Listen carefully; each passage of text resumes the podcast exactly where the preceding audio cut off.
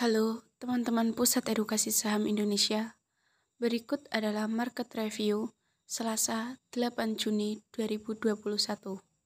Berita pertama, dikutip dari marketbusiness.com, emiten menara telekomunikasi PT Tower Bersama Infrastruktur dan PT Inti Bangun Sejahtera telah merampungkan transaksi jual beli dan pengalihan 3.000 menara senilai 3,97 triliun. Mengutip keterbukaan informasi, 3.000 menara telekomunikasi miliknya telah resmi dialihkan kepada PT Tower Bersama, entitas anak usaha yang 98% sahamnya dimiliki oleh emiten ini, setelah transaksi jual beli dirampungkan pada 7 April 2021. Nilai transaksi tersebut mencapai 3,97 triliun rupiah.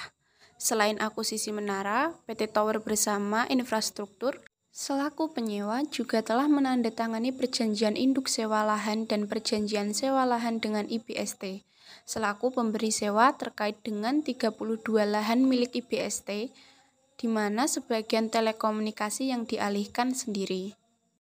Direktur Keuangan Tower Bersama Infrastruktur, Helmi Yusman Santoso, menjelaskan bahwa penyelesaian transaksi tersebut terjadi setelah dipenuhinya syarat pendahuluan, antara lain telah diperolehnya persetujuan dari pemegang saham perseroan dan IBST dalam masing-masing RUPSLB pada 30 Maret 2021. Berita selanjutnya, Rapat Umum Pemegang Saham Luar Biasa atau RUPSLB PT Bank Aladin Syariah Tbk pada 7 April 2021 telah menyetujui pengangkatan empat anggota direksi dan satu presiden komisaris baru. Manajemen baru tersebut akan berlaku efektif setelah dinyatakan lulus fit and proper test serta telah memperoleh surat persetujuan dari otoritas jasa keuangan. Sebagai informasi, Bank Aladin Syariah merupakan nama baru dari PT Bank Net Indonesia Syariah. Kelima pejabat baru Bank Aladin Syariah tersebut yaitu Presiden Komisaris Independen, Nurdias Alvin Pati Sahusiwa, Presiden Direktur Gyota Marsudi, Direktur Digital Banking Firdila Sari, Direktur Keuangan dan Strategi Willy Hambali, dan Direktur Teknologi Informasi Budi Kusmiantoro. Dari kelima pejabat tersebut, tiga di antaranya pernah berkarir di PT Visionet Internasional, pemilik brand OVO. Selanjutnya, kabar gembira datang dari emiten grup Astra, PT United Tractor Tbk, siap menebar dividen senilai 2,4 triliun untuk tahun buku 2020. Hal tersebut disepakati dalam Rapat Umum Pemegang Saham Tahunan atau RUPST tahun buku 2020 yang diselenggarakan pada Jumat 9 April 2021. Corporate Secretary United Tractors, Sarah Kalubis mengatakan bahwa pemegang saham menyetujui akan menggunakan senilai 2,4 triliun rupiah atau setara dengan 40% dari perolehan laba bersih 6 triliun rupiah pada 2020 sebagai dividen. Nilai itu juga setara dengan Rp644 per saham. Adapun dividen itu sudah termasuk dividen intern sebesar 171 per saham atau seluruhnya berjumlah 637 miliar rupiah yang telah dibayarkan pada 20 Oktober 2020.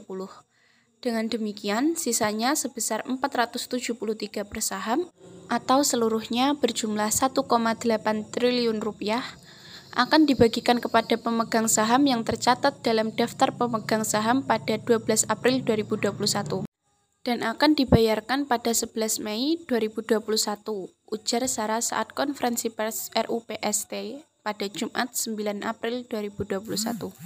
Kabar selanjutnya, harga minyak kelapa sawit mentah atau CPO terpantau terkoreksi setelah mencatatkan level kenaikan tertinggi dalam dua pekan.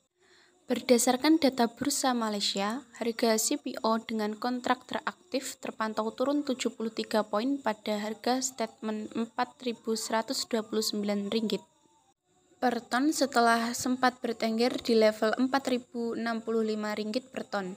Sementara itu, harga CPO kontrak teraktif kedua diperdagangkan pada level harga statement Rp4.064 per ton atau turun 117 poin dibandingkan dengan posisi sebelumnya. Pekan lalu, harga CPO sempat parkir di level Rp4.158 per ton. Level itu merupakan penutupan tertinggi harga CPO di Bursa Malaysia dalam perdagangan dua pekan terakhir.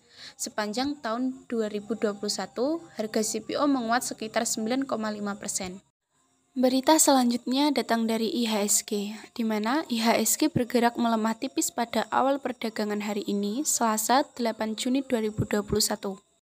IHSG sempat menguat tipis 0,022 persen atau 1,31 poin ke level 6071,25 pada sesi pre-opening. Kemudian, indeks sempat bergerak ke zona hijau sebelum kembali menguat tipis 0,02 persen ke level 6071,61 pada pukul 9 lebih 16 WIB. Sebanyak 158 saham menguat, 231 saham melemah, dan 182 saham lainnya stagnan. Kemudian PT Bank Mandiri Persero juga mengalami net sell sebesar 7,5 miliar, disusul PT Transkul Pasifik dengan net sell senilai 7,1 miliar. Di sisi lain, investor asing terlihat paling banyak memborong saham PT Bank Sentral Asia dengan raihan net buy senilai 7,1 miliar disusul PT Bank Negara Indonesia dengan net buy senilai 6,7 miliar.